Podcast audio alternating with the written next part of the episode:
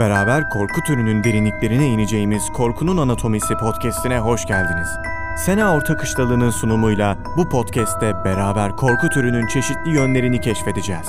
Eğer kutsal suyunuz ve sarımsaklarınız hazırsa başlıyoruz. Merhaba sevgili dinleyiciler, 5. bölüme hoş geldiniz. Bu bölümde hakkında en çok konuşmak istediğim, bir yandan da nasıl ele alacağımı çok düşündüğüm bir konuyu inceliyoruz.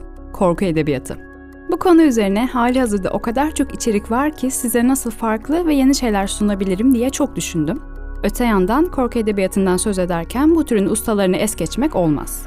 Dolayısıyla konuyu birden fazla bölüm halinde işleyeceğim. Bu bölümde ele alacağım yazarlar Edgar Allan Poe, Howard Philip Lovecraft ve Shirley Jackson. İlerleyen bölümlerde bahsedeceğim isimlerin listesi az çok belli ama siz yine de duymak istediğiniz isimleri bana iletin. Şimdiden Bram Stoker nerede dediğinizi duyar gibiyim. Sabırlı olun onu vampir bölümüne saklamayı düşünüyorum. Başlamak için beni korku edebiyatı dünyasına karşılayan hüzünlü bakışlı yazar Edgar Allan Poe'yu seçtim. Demin tekrar bir fotoğraflarına baktım ve içim burkuldu. Yani korku hikayesi yazıyorsun diye hiç mi gülümsemeyeceksin? Neyse biz şimdi Kızıl Ölüm'ün maskesini takıp aşırı malikanesine girelim. Duvarın içinden tırmalama sesleri duyarsanız sakın aldırmayın. Kara bir kedinin sizi takip ettiğini görürseniz ona bulaşmayın. Bu kurallara uyduğunuz sürece Poe'nun dünyasında hayatta kalabilirsiniz. Poe ile ilk tanışmamda bu bahsettiğim hikayeleri ve daha fazlasını Tomris Uyar'ın çevirisiyle okuyacak kadar şanslıydım. Şimdi Poe'yu Poe yapan özelliklerini konuşalım. Kendisi Sherlock Holmes tarzı modern dedektif öykülerini yazan ilk kişidir. 1809 yılında Boston'da doğmuş ve Victoria döneminde yaşamış ve yazmıştır. C. Auguste Dupin isimli karakteri Paris'te gizemli suçları çözen bir dedektiftir. Ancak çoğumuz Poe'yu bu karakteriyle tanımıyoruz. Popüler kültürde onlarca uyarlaması bulunan belli başlı öykü ve şiirleri yaşadığı dönemden bu yana korku severleri büyüsü altında tutmuş. Çürüme, hastalık, yaşayan ölüler, tekinsiz kara kediler, diri diri gömülme, hayaletlerin köşe başında beklediği evler ve siyah kuzgunlar. Gotik romantik türünde yazan Poe, Öykülerinde tekinsiz mekanlar yaratıp grotesk karakterlerle kurgusunu hayata geçiriyor. Onu okumak, gece evin boş bir odasından gelen sesi kontrol etmeye gittiğinizde bir hortlakla karşılaşıp kaçmak yerine onun elinden tutup dünyasında bir gezintiye çıkmak gibi. Şiirlerinde de sıklıkla ölüm ve yalnızlık temalarını işliyor. Aşkları melekleri kıskandıracak kadar büyük olduğu için meleklerin elinden aldığı ölü sevgilisi hakkında yazdığı Annabel Lee isimli şiiri de ölmeden önce yazdığı son şiir. Aynı şekilde en ünlü şiiri Kuzgun'da da ölü sevgilisi Lenor'u düşlerken tekinsiz siyah bir kuzgun onu ziyarete geliyor. Gördüğünüz üzere Poe'nun kurgularında sıklıkla ölü bir sevgiliye rastlamak mümkün. Bununla ilgili şöyle bir şey söyleniyor. Poe henüz 3 yaşındayken annesini tüberküloz hastalığından kaybetmiştir. Bu yüzden sıklıkla sevdiği kadınları kaybetmekle ilgili yazdığı düşünülür. Öte yandan yaşadığı dönemdeki hastalıkların yaygınlığı ve annesinin de tüberkülozdan ölmüş olması gene hikayelerindeki bu hastalık temasını destekleyen bir durum. Daha kapsamlı konuşabilmek için e, Poe'nun stilini Kara Kedi öyküsü üzerinden ele alan bir makale okudum. Makale, Hacettepe Üniversitesi Edebiyat Fakültesinden Deniz Civelek tarafından kaleme alınmış. Civelek diyor ki, Poe sıfatları yoğun kullanarak okurun hayal gücünde betimlemelerle canlı bir dünya yaratıyor Düz yazılarında sık kullandığı tire işaretiyle de farklı bir stil yaratmayı hedefliyor. Gerçekten de Poe'nun kısa öykülerinde sıklıkla tire kullanıp ana cümleyi bölmesi, araya yeni bilgi ve düşünceler eklemesi stilini özgün kılan noktalardan biri.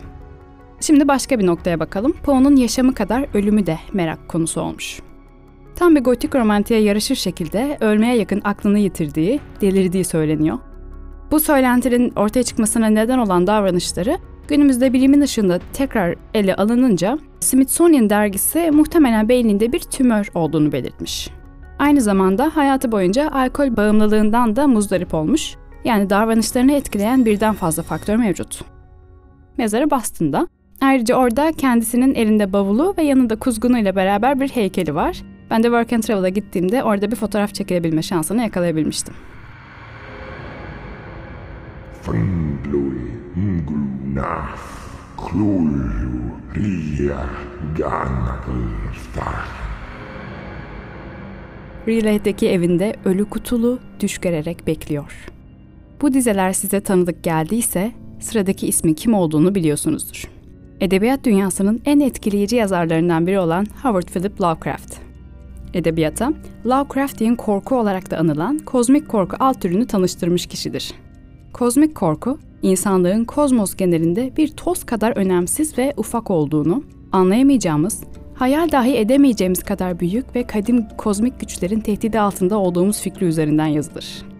Lovecraft'in en ünlü eseri bu türde yazdığı Kutulu'nun Çağrısıdır.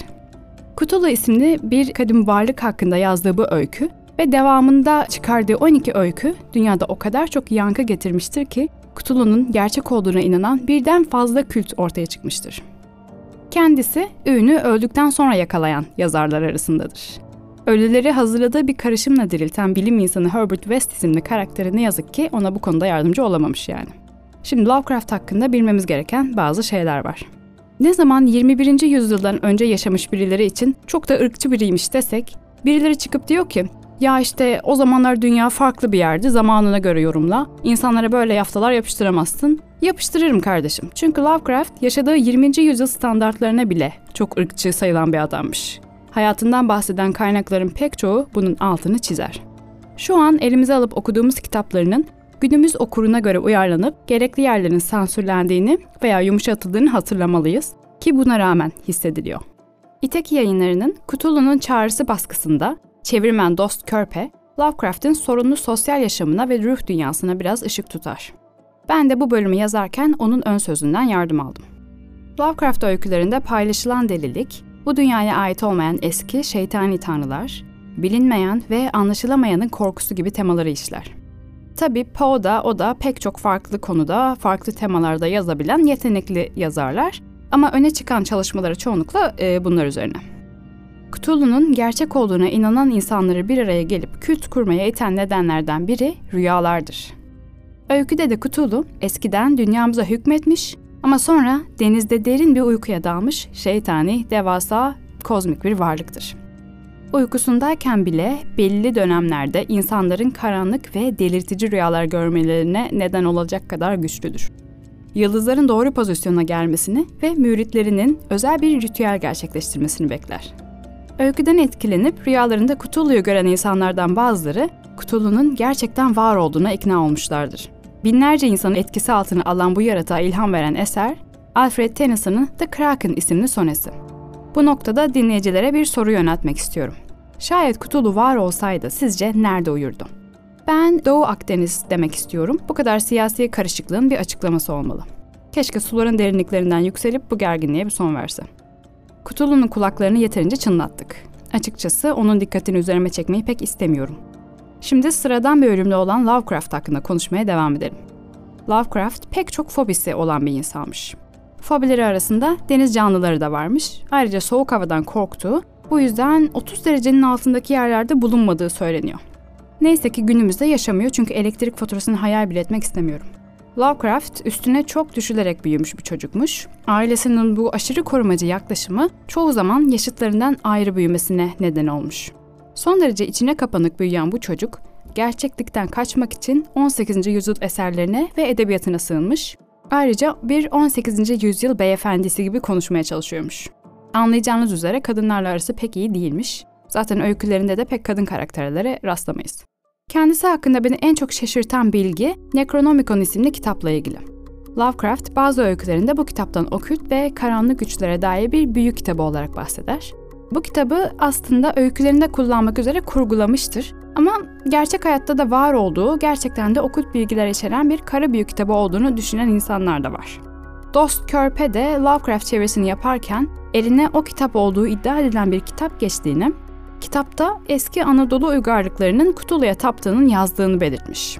Yani benim Doğu Akdeniz teorim tamamen yanlış olmayabilir. Gördüğünüz gibi Lovecraft yazdıkları son derece ciddiye alınmış, kurgudan fazlası olduğuna inanılmış bir yazar. Peki Lovecraft'in kendisi uyandırdığı bu yankı hakkında ne düşünüyor? Öncelikle 1937 yılında 46 yaşındayken hayatını kaybetmiş ve yaşarken hiç başarılı kitap satışları olmamış. Ancak devamlı korku edebiyatı dergilerini yazar ve insanlarla sık sık mektuplaşırmış. Her zaman yazdıklarının yalnızca kurgu olduğunu söylemiş, kurgularını gerçek sananları hiç desteklememiş. Bu Necronomicon hakkında bir sürü yazı var internette. Sizin söylediklerime ekleyebileceğiniz bir şey varsa duymayı çok isterim. Sıradaki yazar Shirley Jackson. Netflix'in Tepedeki Ev dizisi aslında onun kitabı üzerine dayalı.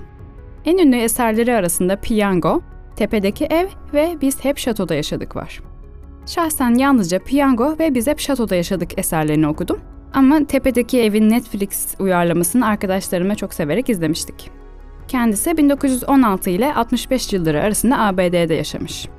Shirley Jackson'la beni çok sevdiğim Aslı hocam tanıştırmıştı. Derslerinden birinde biz hep Şato'da yaşadık kitabını okumamızı söylemişti. Sonradan dönüp tekrar okuduğum, beni içine çeken bir kitap oldu. En ünlü eseri Piyango, alt metinleri ve sembolleri nedeniyle Amerikan edebiyat eğitiminde sık sık kullanılan, öğrencilere analiz ettirilen bir hikaye. Ne hakkında olduğunu söylerdim ama Shirley'nin başarıyla inşa ettiği gizemi burada bozmak istemiyorum. Kısacık bir öykü ve konusunu bilmeden okumak çok daha keyifli olacaktır. Kaynaklar arasına linkini ekleyeceğim. Bu hikaye 1948'de çıktı. Ayrıca işlediği temalar ve alt metinleri yüzünden İkinci Dünya Savaşı'nın edebiyata etkilerini örnek gösterilir, gelenekleri sorgulamadan kör gözle takip etmeyi eleştirir. Anlayacağınız üzere Shirley Jackson alegoriyi seven bir yazar. Sade, kısa ve net cümleler kurar ve Poe ve Lovecraft'in aksine fazla sıfat kullanmaz. Ve Lovecraft hikayelerinde korkunç, iğrenç, ürpertici tarzı sıfatlarla okuyucunun ne hissetmesi gerektiğini belirlerken Shirley fikrini belirtmeden hikayesini anlatır, okuyucu zaten vurucu olay örgüsünden etkilenecektir. Shirley Jackson'ı okumak, ailenizle yaşadığınız eve dadanan hayaletin aslında siz olduğunu, yıllar önce ölmüş olduğunuzu fark etmek gibidir. Poe'yu huzursuz eden kara kedi, sizin bu dünyadaki en yakın arkadaşınızdır. Shirley belki de kendi evliliğindeki mutsuzluktan ilham alarak bir evin içinde geçen veya evle bağdaşan bir aileyi konu alan korku hikayeleri yazmada başarılıdır. Tepedeki ev ve biz hep şatoda yaşadık bunların örneği mesela. Lovecraft öykülerinde kadınlara yer vermez, Poe da çoğunlukla ölü sevgililerinden söz ederken Shirley, doğrudan kadınların veya küçük bir kız çocuğunun merkezinde bulunduğu korku öyküleri yazmıştır. Gizem Akçil'in kaleme aldığı bir makale, öykülerinde insanın içindeki dehşeti, kendinle ve travmalarınla yüzleşmeyi, toplumdan ve gerçeklikten soyutlanmayı istediğini söylüyor.